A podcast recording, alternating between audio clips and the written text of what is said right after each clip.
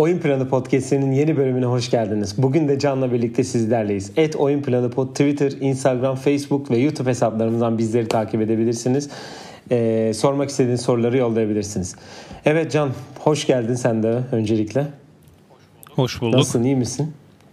İyiyim iyiyim her şey Böyle yolunda. arka arkaya 3 gün üst üste yayın yaptık ama e, araya Doğu Koç bölümünü yapmamız gerektiğini düşünüyorum. Çünkü hem ikimiz de çok merak ediyoruz. Eminim e, hem izleyicilerimiz hem dinleyicilerimiz de bunu zaten merak etmişlerdir. E, finallerin ikinci maçı oynandı dün akşam ve Lakers e, seride 2-0 öne geçti. 124-114 kazanarak seride durum 2-0'a geldi ve şampiyonluğa sadece 2 maç uzaktalar şu anda. Ben hemen box score'la başlayayım. Anthony Davis 32 sayı 14 reboundla oynadı. O çok dominant bir performans gösterdi. 20 e, 20'de 15 sağ içi isabetiyle oynadı ki 14 reboundun 8 tanesi hücum reboundu. Zaten bundan bahsedeceğiz senden birazdan. E, LeBron e, 33 sayı 9 rebound 9 asistle oynadı. Ee, aynı e, Rajon Rondo 16 sayı 10 reboundla ona eşlik etti. KCP ve e, 10 asist. 10 asist değil mi? Rebound dedim ben pardon. KCP ve Kyle Kuzma 11'er sayıyla oynadılar e, Lakers'da. E, Miami'de Jimmy Butler 25 sayı 13 asistle oynadı. E, Tyler Hero 17 sayı, Jay Crowder 12 sayı, Kelly Olynyk bench'ten gelip 24 sayı attı ve e, Kendrick Nunn da 13 sayıyla oynadı. E, ben bu arada Bam Adebayo ve e, Goran Dragic oynamadılar. Üçüncü maç içinde ikisi de şu anlık belirsiz listesindeler diyebiliriz ikisi içinde. E, ilk maça göre ben başlayayım şu an bu arada. İlk maça göre e, ben iki takımı da biraz daha iyi buldum. Ama şöyle bir şey oldu. Miami'nin daha iyi oynaması yani daha çok ne bildiğini oynadı gibi gördüm Miami'yi. Ama Lakers daha iyi oynadı. Benim sadece Lakers'ta hmm, beğenmediğim ve hani böyle bana şey gelen KCP ve Danny Green'in iki şütörünün e, kötü performansı ve genel şütörlerin de ben açıkçası zaten sorun yaşıyorlar demiştik bubble başından beri.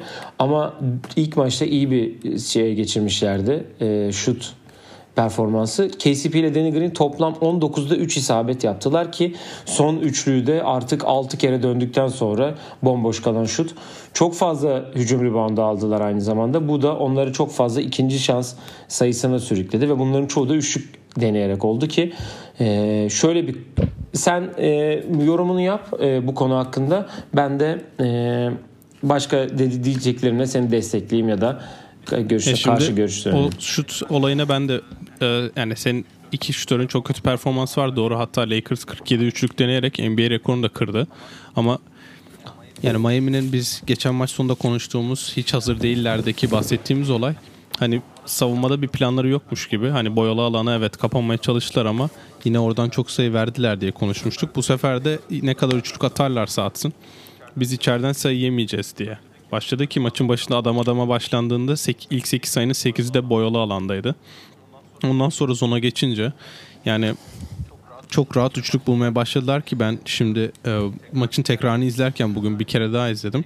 Lakers'ın bulduğu isabetli üçlüklerde ne kadar boş olduklarının birkaç screenshot'ını aldım. Bunu video olarak izleyenler de görecektir. Şimdi buraya hemen koyayım.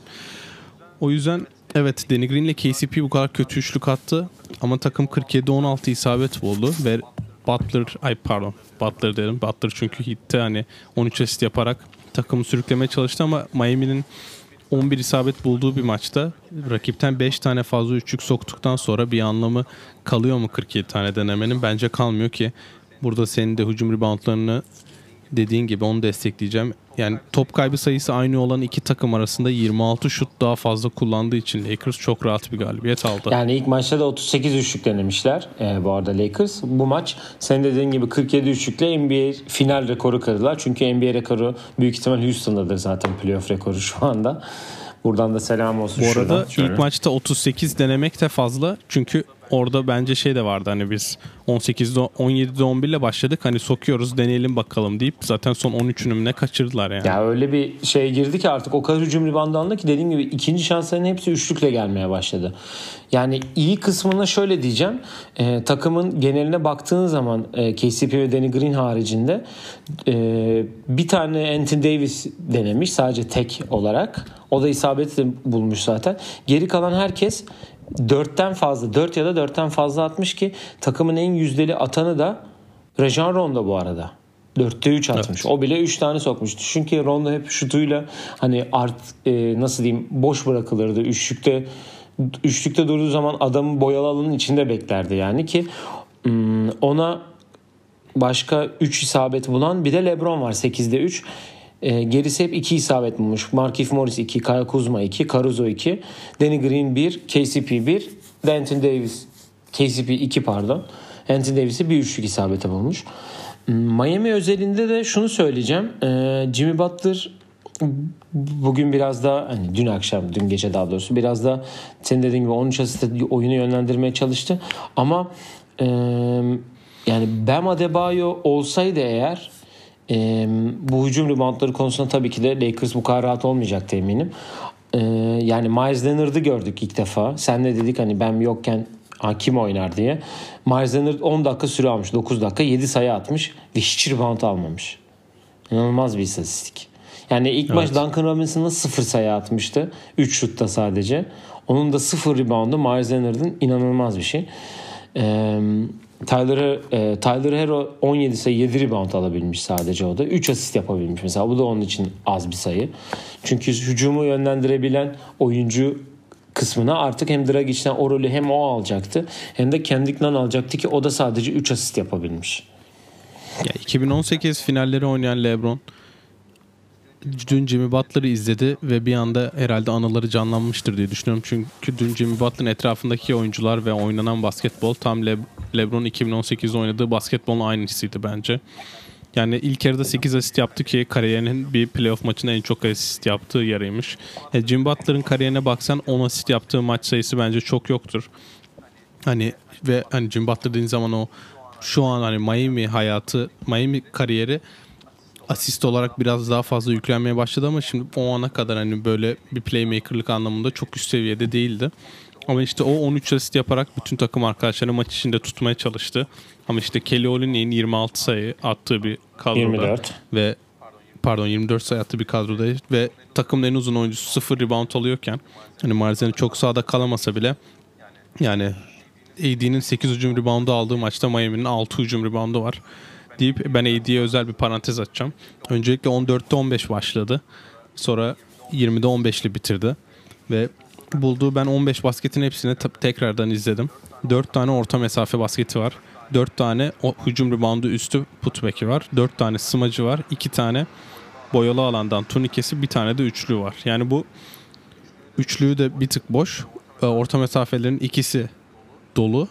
Geri kalan 10 basket hatta 11-12 basket tamamen çok kolay basketler. Evet AD'yi tutamıyorlar ama işini de çok zorlaştırmıyor bence Miami. Zone'la bunu yapmaya çalıştılar ama LeBron James ve Rajon Rondo hatta Anthony Davis'i zonun ortasına koyduğun bir savunmada ben bu savunmanın başarılı olabileceğini düşünmüyorum. Çünkü pas anlamında yani 19 asist ve bir top kaybıyla oynadı Rondo ile LeBron. Yani zon yapmanın artık ben çok avantajlı olabileceğini düşünmüyorum ve Adebayo'nun da inşallah oynayabileceği bir üçüncü maçta ben daha fazla adam adama yapacaklarını düşünüyorum. Yani Rondo hakikaten o da çok iyi bir performans sergiliyor. Ona geleceğim. Ben de Anthony Davis'e ilgili şunları söyleyeceğim. Yani buraya niye geldiğini, yani Los Angeles'a niye geldiğini, pardon Lakers'a niye geldiğini, Los Angeles'a Clippers'ta olabilir tabii bu. Ee, Lakers'a niye geldiğini çok iyi anlatan bir maçtı aslında bu. Çünkü yani öyle de bir bubble geçiriyor zaten. Şu an bubble'ın en iyi oyuncusu. Yani bu kısımda ilerleyen hı hı. ilerleyen bölümde hani e, Le hani sene başına ilk geldi yani sene başına ilk geldiği zaman dedik ya LeBron hayatı kariyeri boyunca ilk defa çok iyi bir uzunla oynayacak diye. Ve yani her şeyi yaptı dün. Hücum reboundunu aldı. Chris Bosh eminim dinlemiyordur bizi ama evet. Chris Bosh'tan daha Chris Bosh biraz daha hani 4 numara diyelim hani 5 evet. değil de hani e, Anthony Davis'e 4 oynuyor ama 5 beş, beşimsi falan 4.5. Dört buçukta anlaşalım. Ee, Yani her şeyi yaptı. Hücum reboundunu aldı. Gerektiği yerde zaten hani şey gibi gözüküyor. 8. sınıfların arasında oynayan küçültme liseli gibi gözüktü bir yerde yani artık. Hala öyle gözüküyor. Bence iki maçtır tamamen öyle gözüküyor. Ya şimdi bu maçta hani Bam Adebayo'nun da olmayışı tabii. Çünkü Bam Adebayo'nun da bu sakatlığı ilk maçta da varmış bu arada. Öyle bir şey de söyledi. Öyle bir şey de söyledi. Boston serisinde olmuş bir boyun sakatlığı. Boston serisinde olan aslında el sakatlığı, boyun sakatlığı Dwight Howard'la çarpıştığı bir pozisyonda gerçekleşiyor ki Bam Adebayo'nun bu arada boyu da yani Jason Tatum'dan biraz uzun yani Dwight boy anlamında hani bir Dwight Howard kadar da yok. Hani Anthony Davis'i geçtim. O yüzden Adebayo varken de Anthony Davis bu performans gösterebildi. O yüzden bu arada 20 sayı ay 20 top attı 15 isabet buldu dedik Anthony Davis. Sadece bir tane serbest atış kullandı ve eminim ki bu 20 atışın sadece bir tanesinde de foul'e karşı karşıya gelmedi. O yüzden hani foul anlamında Miami zaten 20 foul mu daha fazla kullanmıştı. Hemen bakıyorum ben senin için. O konuda hani Miami hani çok sıkıntı da yaşamadı. Evet 47 üçlük deneyen bir takım vardı ama Miami elinden geleni yaptı ve dün ben maçı izlerken hiçbir zaman acaba Miami maçı kazanabilir mi? Acaba bak geliyorlar seri yapıp maçı kazanabilirler diye düşünmedim. Zaten en yaklaştıkları da 108-99 son çeyrekte. Onda da Markieff Morris'in köşeden bir üçlü var. O da maçı tamamen yani onların ulaşabileceği ulaşamayacağı bir mesafeye itiyor ve zaten Lakers hani bence çok rahat kazandı. Yani 21 e, foul daha fazla atıyor. E, %43'lük, %53, %40 sağ içi, %50 üçlük ve %90 foul atıp çift taneyle kaybediyor Miami. Yani güç yetmiyor o yüzden. Ama yani iki takım arasındaki farkı zaten en başında bir söylemiştik hani Miami'nin buraya gelişi aslında doğudan sürpriz bir takım geldi. Beşinci, doğu beşincisi geldi sonuç olarak. Yani Lakers yani sen de demiştin LeBron kariyeri boyunca ilk defa bir finale hadi ikinci defa bir finale favori çıktı yani.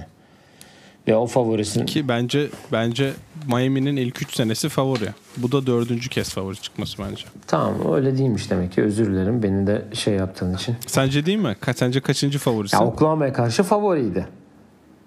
Ba- Dallas'a karşı da kesin favori. Hani ilk finali de. Kesin favori. Dal en iyi en iyi ikinci oyuncusu Jason Terry olan bir takıma karşı kesinlikle favori.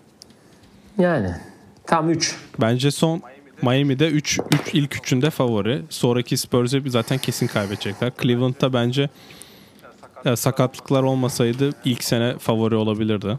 Hatta bence kazanabilirlerdi de. O diğer 3 sene zaten favori değil. Buraya kesin favori olarak çıktı ama Miami senin geçen podcast'te bahsettiğin um, işte herkesten daha yürekli oynama, daha fazla efor sarf etme, ortadaki toplara atlama işini yine yapmadılar.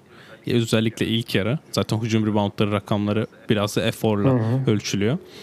Sonra 3. çeyrekte Dwayne Wade'in Twitter'da birkaç söylenmesi var. Onun üstüne molada Udonis Haslem'in Ağır fırçası artı var. 18 artı 18 çok ağır fırçası var. Ve ondan sonra biraz yürekli oynamaya başladılar ki 40 sayının üstünde attılar 3. çeyrekte. Jimmy Butler maçtan sonra Haslem bağırdığında böyle oynayacaksa bizimkiler maçın başında bağırsın da maça böyle başlayalım diye bir e, notu olmuş. Ama Adebayo oynasa bile Dragic'in yokluğu bence zaten çok etkiliyor. Playmaking anlamında Butler'a her şeyi verdiğin zaman Butler'ın sayısını atacak adam da olmuyor. Ve ben Dragic hakkında da şöyle bir şey diyeceğim. Bilmiyorum sen bana katılır mısın? Şu an free agent olacak biri böyle bir playoff geçirmişken ve büyük ihtimalle NBA kariyerinin son kontratını alacakken e, iğneyle kendini riske edip bir aşil sakatlığına yol açmamak adına ben oynayacağını çok düşünmüyorum. Ben de aynı fikirdeyim. Yani evet belki şey olabilir hani e ben NBA kariyerimde finale belki ilk kez çıkacağım. İlk ve son kez ilk kez çıkıyorum ve belki de son kez olacak. Bana iğneyi vurun oynayayım gibi duygusal düşünce yapar mı bilmiyorum ama hani olabilir. Ama geçen sene Kevin Durant'i gördükten sonra Joe Johnson hakkında da söylen söylenenleri konuştuk. Yani o 7. maçta Joe Johnson %24 ile mi ne oynamış sadece. 7'de bir üçlük atmış falan. Ve iğneyle hani %50 oynayabilecek mi emin değilim. Adebayo gelince de boyun sakatlığı 2 gün önce yani maç 3. maçta oynayacaksa 2 gün önce oynayamayan biri 2 gün sonra nasıl %100'ün %70'ini oynayabilir çok merak ediyorum. O yüzden Bu seri 5 maça giderse ben şaşırırım. Süpürgeler çıksın diyorsun yani. Yani sen şaşırmaz mısın peki? Yani süp yani süpürülmeyi artık herkes bekliyor. Çünkü şöyle bekliyor. insanlar da şaşırmayacak. Ee, Anthony Davis bu formda. LeBron da formunu giderek arttırdı bence. E, Lakers 3. oyuncuyu bulmakta çok rahatlık çok rahat artık. Rondo inanılmaz bir performans sergiliyor. Gerçekten hani belki istatistik kağıdına bu maçta yansıdı ama ilk maçta da yaptığı, ikinci maçta dün de yaptığı şeyler e, hakikaten o prime'ına yakın Rondo'ya çıktı gibi gözüküyor. Çünkü oyunu yönlendirebilen e, biri LeBron oyunda olsun ya da olmasın. Olmadığı zaman zaten yönlendirmeye ihtiyacı olan e, bir duruma geliyor Lakers. O da bu işi yapıyor. Savunması zaten söylemeye gerek yok. Pas yeteneği zaten. Yani zonun ortasına koyuyorsun adam orada da iş yapıyor. Anladın? Evet. Yani ben de süpürge bekliyorum açıkçası ne yalan söyleyeyim ama e, Miami'nin de artık bir tepki vereceğini düşünüyorum. Çünkü Eric Spoelstra da maçtan sonra çok e, sert bir basın toplantısı geçirmiş. Yani Ya evet de ben Miami'nin kazanacağı maç mesela ne olacak? Şimdi Lakers'ın şutörleri kaçırdı değil mi? Bence bu maç kaçırılmış sayılıyor. 47 üçlük denedikleri için 16 tane soktular. Belki 35 tane deneseler 7 tane falan sokacaklardı. Miami'nin şimdi Lakers'ın üçlüklerin kaçıracağı maç oldu. Bir daha bu 11 kaç dedi? 12'de işte kaç attıysa KCP ile Danny Green bu kadar yüzdesiz bir daha bence atmayacaklar 19'da 3. Onu söyleyeyim. Şimdi LeBron bir kere çıkıp bir maç almadı. Bu maçı zaten öyle kimse çıkıp almadı. Yani Miami'nin bir maçı kazanması için minimum 10 yani Lakers'ın soktuğundan 10 tane daha fazla üçlük sokmaları gerekecek. Anthony Davis'in %50'nin altında atması gerekecek. LeBron'un çok kötü oynaması gerekecek. Yani o kadar şey olması gerekiyor ki 2010 2017 finallerinde Cleveland'ın kazandığı dördüncü maç var ya. Hı hı kaç 25 üçlük mü ne soktular NBA rekoru kırdılar. NBA rekorunu NBA finalinde kırdılar hatta takım olarak. Hani öyle bir performans sergileyebilecek bir kadro da yok. Çünkü hani Kyrie soktu, LeBron soktu, herkes soktu anlamında. Şimdi burada Duncan Robinson 9 tane, Tyler Hero 7 tane, Jim Butler 5 tane, Crowder 5 tane falan soksa yine zar zor ulaşıyorsun rakamlara o yüzden. Ben emin değilim yani Miami nasıl bir şey kazanacak. Çünkü AD ve LeBron ikisinin de 30 sayının altında tutmak gerekiyor. İkisi de çok rahat bir şekilde 30 sayı bulduğu için ben yani süpürge bekliyorum ve LeBron da finaller MVP'si için dördüncü maçın dördüncü aynen dördüncü maçın ikinci yarısında vitesi arttırıp biraz fark yaratmaya çalışacağını düşünüyorum. Bu arada şimdi o rekora baktım. O rekor Houston'daymış. Geçen sene 27 üçlükte onu kırmışlar. Haberin olsun. Hı hı. Ee, ya Tyler Hero bu maç eksi birle oynamış bu arada. Eksi 35'in yani onunla kaybeden biri için e, ilk 5 başladı bir de. Evet. Hani NBA finallerine çıkan en genç oyuncu evet, mu ne öyle bir şey olmuş doğumlu sanırım. NBA finaline çıkan ilk oyuncu oldu. NBA finaline ilk 5 çıkan. Yani dediklerinde haklısın. Yani Milwaukee serisinin ilk iki maçını hatırlıyor musun? Milwaukee'ye karşı oynanan basketbolu. O tarzı o tarzda bir basketbol, o tarzda bir maç olması lazım. İki maç içinde söyle. İki maçın geneliyle oynanan basketbol gibi bir şey olması lazım. Ama e, Miami ilk tur e, orta derece, ikinci tur full süperstar birine karşı. ikinci turda biraz daha yakın ama bu onların en büyük sınavı. Çünkü artık hem NBA finali hem de şu an NBA'in aktif olarak en iyi oyuncusu var. Ve aktif olarak da en formda oyuncusu var. Yani onlara karşı oynamanın e, zorluğunu yaşıyorlar. Yani, Ve en iyi en iyi iki oyuncuları yok. Yani playoff'u geçiren en iyi iki oyuncuları şu an öyle. oynayamıyor. Ya çok şanssızlık bence hani bu Miami'nin ben hani oyunundan ziyade şanssızlık olduğunu da düşünüyorum biraz bu sakatlıklar. E, İnşallah yani hem Bam Adebayo hem de Goran Dragic sağlıklı geri dönerler. Ama hani Lakers artık yakın yani. İki maç kaldı sadece. Tabii ne olacağını bilmiyoruz. 3-1'den seriler verildi ee, daha önce. Yani LeBron final kariyerinde ilk kez 2-0 öne geçmiş bu arada. 10. finali bu. İnanılmaz bir şey. Yani ilk maç hani öyle tartıyor muhabbeti biz hep yapıyoruz da yani 10. finalinde ilk kez 2-0 öne geçmesi beni bayağı şaşırttı ki dün yine 21 potansiyel asisten sadece 9 asist yapabildi. Ona da bir dikkat çekeyim yine triple double'ı yapamama konusunda. Sen dedin o olmayacak. O olmayacak. Sen dedin o triple double yani, yapamayacak. Danny Green'le KCP'ye yine bir hani sürelerden çalma için şey yapmıştır. Ben hani Miami için ya bilmiyorum zaten bu maç hakkında konuşabilecek cidden çok şeyimiz yok. Çünkü Miami ne önlem aldıysa Rondo ve LeBron önderliğinde hani oyun okuma ve yönetme anlamında bütün maçı kontrol ettiler. Miami 2021'i Yanis için yer açıyor. Bunu zaten her seferinde konuşuyoruz. Bu, sene senin de dediğin gibi hani iki tane bence favori gir yani form dışında bak kağıt üstünde favori girmedikleri iki seriyi kazandılar. Ama çok formda geldiler buralara. Ve bu takım eğer 2021'de Yanis'i alsa bile final yapabileceği bir garanti değil. O yüzden Jim Butler için biraz üzgünüm çünkü herkesi hani bu kadar susturduğu ve hani herkesi yanlış çıkarttığı böyle bir dönemde eşit savaşma şansı yakalayamadı. Belki yine kaybedebilirlerdi. Belki yine 4-0, 4-1 biterdi ama eşit savaşsalardı ben Jim Butler'ın en azından hani kendisini bir tık daha reputasyon anlamında taşıyabileceğini düşünüyordum ama ne yazık ki öyle bir şey olamadı. Dün yeteri kadar savaştı. Biz sanki 4-0 olmuş gibi konuşuyoruz ama dün maç yani ben dün maçı izlerken ya Miami nasıl kazanacak? Hala bak gelemiyorlar. İşte Lakers 9 tane şut 9 pozisyon arka arkaya boş döndü falan. Ona rağmen hani fark 2'ye düşmedi, 4'e düşmedi. O yüzden bayağı kötü hissettim Miami adına. Ama işte hala iki maç var ne olacağını da bilmiyoruz. Peki Jimmy Butler'ın o eleştirileri ha ha biz demiştik yaparlar büyük ihtimal. Ne konuda? Hani işte o kötü işte bu soyunma odasındaki en kötü şey bilmem ne falan da filan da işte o kadar final çıktı diye laf ettiniz adam süpürüldü. Hadi atıyorum en kötü ihtimal süpürüldü denilebilir yani. Ya ona bence ya sakatlık geçen sene Toronto'nun sakat şampiyonluğu konuşulduğunda 10 kişi konuşurken belki 4-5 tanesi diyor ama Clay ile KD yoktu diye. Jim Butler'a da finale çıktığında işte en iyi iki oyuncusu yoktu denecek ama Jim Butler da ya biliyorsun böyle şeylere cevap vermeyi seven biri.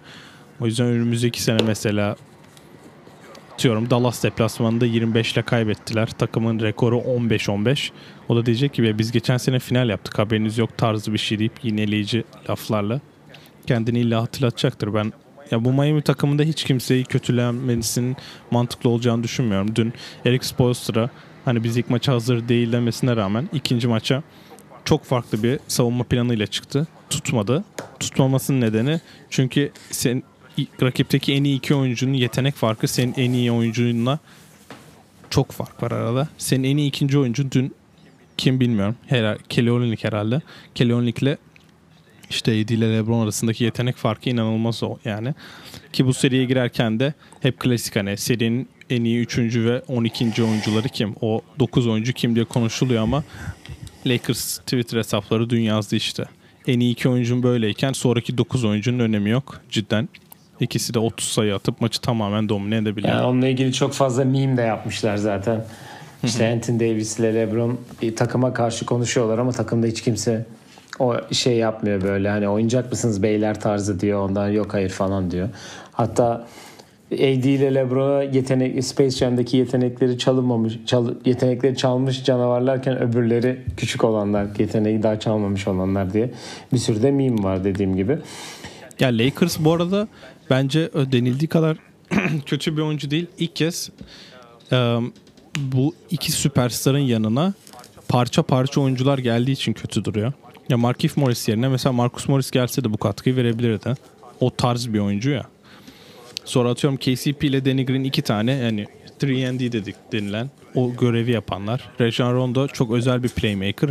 Le, e, LeBron'un sahada olmadığı dakikalarda hatta LeBron'la bile topu getirebilecek bir oyuncu. Caruso işte mücadele eden bir oyuncu. Dwight Howard yani Dwight Howard NBA'de NBA tarihinde rebound, block, double double Bunlar da top 20'de. Hatta top 10'da ve, bile olabilir yani bazı. Yani bazılarında top 10'dadır.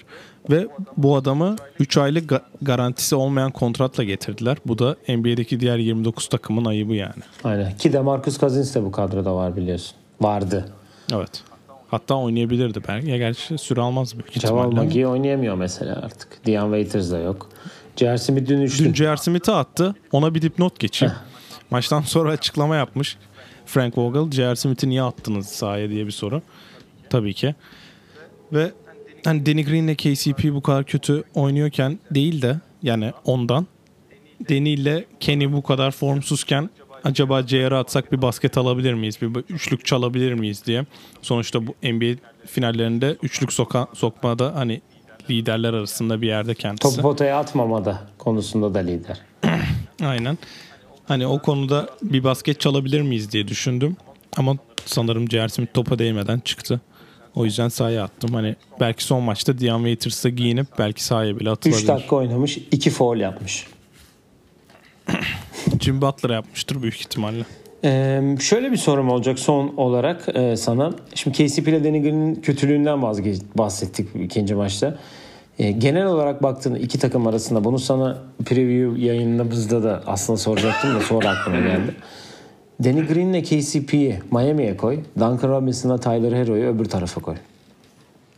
Evet. Nasıl bir fark olabilir arada? Şimdi savunma anlamında Danny Green ile KCP bir kere her şeyi switch yapıp savunabilecek oyuncular. Ya bunların özelliğini bence göz ardı etmememiz gerekiyor ve Ben şut anlamında ikisini birden aslında karşılaştırdım. Tabii ki de yoksa KCP zaten şu an e, Lakers'ın en iyi savunmacılarından bir tanesi. Yani Lakers'ın savunmasının forvet savunmasının yani kısa savunmasının diyeyim açıkçası forvet de değil. e, en iyi oyuncusu hatta yani öyle diyebilirim sana Rondo'dan sonra. Ya bu arada AD hakkında bir şey daha diyeyim. 15'te 20'de 15 ile oynayan biri maçın çoğunda da Jim Butler'ı savundu. Yani böyle bir saçmalık görülmedi NBA tarihinde. Ya şut anlamında Kyle Korver'ı NBA finallerinde sahada tut- tutabilmiş bir LeBron James olarak ikisine de çok rahat pozisyonlar yaratabileceğine eminim. Ki Tyler Hero hani 38 sayı attığı Boston maçında da gördük. Dribbling üzerinden de kendisine şut yaratabilen bir oyuncu. Ama ben bu yani futbolda hep bahsediyoruz da buraları oynamayı bilen bir oyuncu olduğu için Danny Green'in ne kadar rezalet şut atsa bile hala fark yarattığını düşünüyorum. Yani hep diyoruz Lakers şutörleri bir maç alacak diye bence birinci maçı almadılar. Danny Green bir maçı alacak İkinci yani. maçı hiç almadılar. Ya ikinci maçı ver, vermeye bile çalıştılar. Ben hala Danny Green'e inanıyorum. Çünkü fiyat performans anlamında Lakers'ın en kötü oyuncularından en kötü oyuncusu büyük ihtimalle. Büyük ihtimalle. Ve yani bunun karşılığını bence verecektir. Gerçi e, onun da kalçasında bir sıkıntı vardı. Maçı bitirmedi. Ama eğer o sıkıntı devam etmiyorsa 3. ya da 4. maçta en azından bir %50 ile oynayıp bir 4-5 üçlük isabeti bulacağını düşünüyorum. Danny Green'e benim kadar güvenen Lakers oyuncusu var mı ama onu da bilmiyorum yani. Bence oyuncusu ya taraftarı kesin yoktur. Hatta şu eminim. onunla ilgili şeyi daha önceki yayınlarda da söyledim. How many more? Hani şey yani kaç tane daha? Evet, dün bayağı düştü o bu arada. Hamini Mor kaç tane kaçacak diye. Yani 3 takımla NBA şampiyonu olan bir oyuncu olacak eğer Lakers'ta da kazanırsa. San Antonio ile aldı. Toronto ile geçen sene aldı. Bu sene öyle. Ee, kapamadan önce bir soru daha aklıma geldi. Sorayım mı öbür yayından mı bırakayım? Sor sor. Şimdi bu Udonis Hazzem'in e, ağır artı 18 fırçasından bahsetmiştik. E, ama kadroda da iki tane daha tecrübeli oyuncu var sahada olan. E, Jay Crowder da bunun arasına koyacağım artık çünkü o, onun da ben e, yani oraları oynamaya değil de hani saha içinde bir veteran kısmına yavaş yavaş yaklaştığını düşünüyorum ki öbürü de Andre Iguodala. Onlardan bir şey göremiyorum. Hani nasıl diyeyim?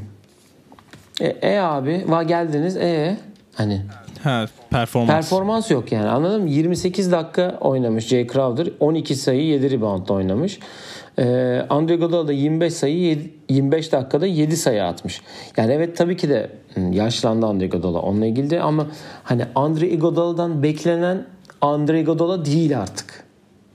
Yani, Evet onu zaten biliyorduk. yani hayır ama hani şey de vermiyor. Iguodala'ya bu yaşta Iguodala bu yaşta bir katkı beklemek bir kere ya bence çok saçmalık. Geçen e, JJ Redick'in podcast'inde Carmelo konuk olmuştu. Orada 2002 mi? Evet 2002 lise mezunları kadrosundan 3 kişi varmış NBA'de. JJ Redick, Carmelo Anthony, Andre Iguodala. Bu ne kadar yaşlı olduğunu gösteriyor yani zaten. Ve Iguodala'nın zaten buraya gelirken ilk 5 oynamayacağı, işte rol oyuncusu olacağı ve zaman zaman katkı alınacağı belliydi. Bu katkıyı zaten Miami'nin altın Boston yendi 6. maçta yeteri kadar verdi. Savunmada da verdi ama 5 sene ne zaman final MVP'si oldu? Tam 5 sene önce. 5 sene önce final MVP'si olduğu performansa o mu daha yakın yoksa 5 sene önce 47 dakika ortalamayla oynayan LeBron mu o haline daha yakın? LeBron daha yakın tabi. Ve fiziksel anlamda zaten LeBron karşısında gördüğü an o 5 senenin öncesinin rövanşını alacakmış gibi üstüne gidiyor ve sahada kalmasını engelliyor. O yüzden Iguodala'dan beklentinin gereksiz fazla olması beni şaşırttı. Ama Jay Crowder zaten üçlük konusunda sıkıntılar yaşıyordu. Bu seride de yaşamaya devam ediyor ve hani LeBron beynine girmeye çalışıyor artık. Çok geç çünkü seri 2-0 ve önümüzdeki 5 maçın 4'ünün de Miami'nin kazanmasını ben beklemiyorum. Teşekkür ediyorum. Andre Iguodala'ya ben de güveniyordum ama bütün güvenimi yerle bir ettiğin için de. Bu arada şöyle bir... Mesela şu an bir dakika ben bir şey soracağım son olsun. Iguodala'yla da bitirmiş olalım. Ne bekliyorsun mesela Iguodala'dan? Şu an yani mesela 3. maça çıkıldı. Iguodala bench'ten geliyor. Ee, Spoelstra'nın taktiği olarak backup 5 olarak oynuyor. Yani ne yapmasını bekliyorsun? Yani bir kere zaten hücumda dışarıda oynayacak. Dışarıda yani Evet, içeride zorunlu. zorunlu olarak. Hani ne bileyim bazı bu arada geçen ilk maçta birkaç tane böyle katı var. Kat ediyor. Arkadan Dwight Howard'ın arkasına hop pota dibi. Ya da penetre dışarı verdiğin zaman o şutu soksun. Bir şey yapsın. Hani bir şey göstersin. Hani Jay Crowder'a evet belki hiçbir şey göstermiyor dedim. Belki haksızlık biraz etmiş olabilirim ama hani yere falan atlıyor Jay Crowder tabii ki de onları yapsın. Hayır sen şeyi istiyorsun. Sen Haslem'in hani yaptığı E işte o e, konuşma tarzı bir saha içi bir tepki bekliyorsun. öyle. Onu anladım. tepki göstersin yani. Ha, Iguodala şimdi bakıyorum. Ee, yani tam saha içinde mesela 14 sayı, 6 rebound, 3 asist falan mı yapması gerekiyor çok iyi oynaması için? Bence öyle performans verme yaşı geçti artık. Yani Ve LeBron karşısında savunmada da bir şey gösteremiyor. O yüzden ben çok bir şey beklemiyorum. yani şöyle de olabilir. Mesela 12 sayı, 4 rebound, 4 asist yapsın. Yapamaz mı? Evet. Yani 4 tane Ya yani savunmada işte üç tane üçlük soksun, bir tane penetre etsin, foul'ün birini soksun, birini kaçırsın falan. Bu tarz bir şey anladın mı? Yani bir bench oyuncusu ne yapması gerekir? Yani Kelly Olynyk'in Iguodala'dan yapabileceği bir iş ama ben artık ben Lakers'ın öyle bir şey izin vereceğini çok zannetmiyorum artık. Ki 2-0'da da çıkmışken Adebayo bu halde çıkacaksa 3-0'a yani 3-0'a çıkıyorsan 3-0 olmaması için bir performans gösteriyorsan Iguodala gibi böyle bir ekstra performans kesin gerekiyor. Verebilecek mi? Belki verir ama benim çok bir umudum yok. Peki bakalım. Bu arada Lakers'ta Mamba formalarıyla 4-0 oldu. Onu da söyleyelim. Evet. Dün de şu 3-0 olursa dördüncü maça da giyerler. Kesin. Ee, bu arada Kesin. LeBron'da seks- Lakers'ın 81. sayısını 3. çeyreğin bitimine 8 dakika 24 saniye kala atmış. Bu da böyle bir Evet onu gördüm. bir jinx şeyimiz olsun. Ya ben o şey aslında biraz hani fazla abartılıyor diye düşünüyordum ama dün biraz çok üst seviyeye çıkmış aynen. Yani yani abartı değil de işte bu olacak hep söylemiştik yani hani hep bir yerde Lakers buralarda olduğu sürece artık Kobe'nin da her türlü her şekilde e, anılıp her şekilde e, bir şeyler çıkarılacaktır yani.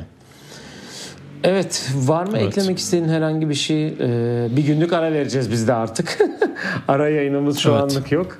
E, ara yayınları içinde e, önerileriniz varsa bu videonun altına bırakabilirsiniz falan. ya da Instagram'dan da yazabilirsiniz tabii ki de. Var mı eklemek istediğin? Yani f- e, bu NBA finalleri başladı. Onlara maç Evet. maç yapmak yerine ben e, sezon bitince bir hani finaller finalleri üzerinden geçme hakkında bir video yapmayı düşünüyorum. Hani belki koç yayını gibi hani senin sorularının üstünden finalleri yorumlayabileceğimiz bir şey yapabiliriz. Sue Bird kendi e, sahip olduğu asist rekorunu kırmış oldu. Brianna Stewart zaten 37 sayıyla domine Evet, etti ki. 93-80 Yani- kazanmış Seattle'da bu arada. Onu da hemen söyleyelim. Yani Las Vegas Aces inanılmaz performansa geri dönmeye çalıştı. Çünkü farkı bir ara 18-20 bandına kadar çıkardılar ama hani diğer maçta biraz denk geldiği için ben NBA izledim ama hani sezon bitince hepsini tekrardan bir izleyip hani bir ona da bir özel bölüm çekeriz diye düşünüyorum. Evet onu ben yayının başında söyleyecektim unuttum. Özür diliyorum ee, dinleyicilerimizden. Ee, Brianna Stewart 37, Javal Lloyd 28, Epiphany Prince 11 sayı atmış Seattle'da. Las Vegas'ta da Angel McCourty 20, Aja Wilson MVP 19, Kayla McBride 13, Jack bu Jackie Young da 12 sayı atmış. Nasıl bir bir first round pick? Gerçekten inanılmaz yani. Ya o konuda evet Aces biraz hata yaptı diyebiliriz. Evet ikinci ma- e, onun da arada ikinci maçı pazar günü oynanacak. Pazar öğlen. Pazar İki öğlen. maç arka arkaya. Evet NBA finalde e, pazar günü Türkiye saatiyle e, gece saat sabaha karşı iki buçukta oynanacak. Senin de ekleyeceğin başka bir şey yoksa kapatayım. Evet. Evet efendim. E, öncelikle bu YouTube yayınlarımıza da gösterdiğiniz ilgi için de teşekkür ederiz.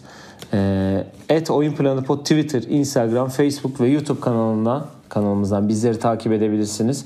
Sorularınız varsa yollayabilirsiniz. Videoyu beğendiyseniz beğenme tuşuna basmayı unutmuyoruz. Abone olmayı unutmuyoruz diyelim. Hoşçakalın efendim. Hoşçakalın.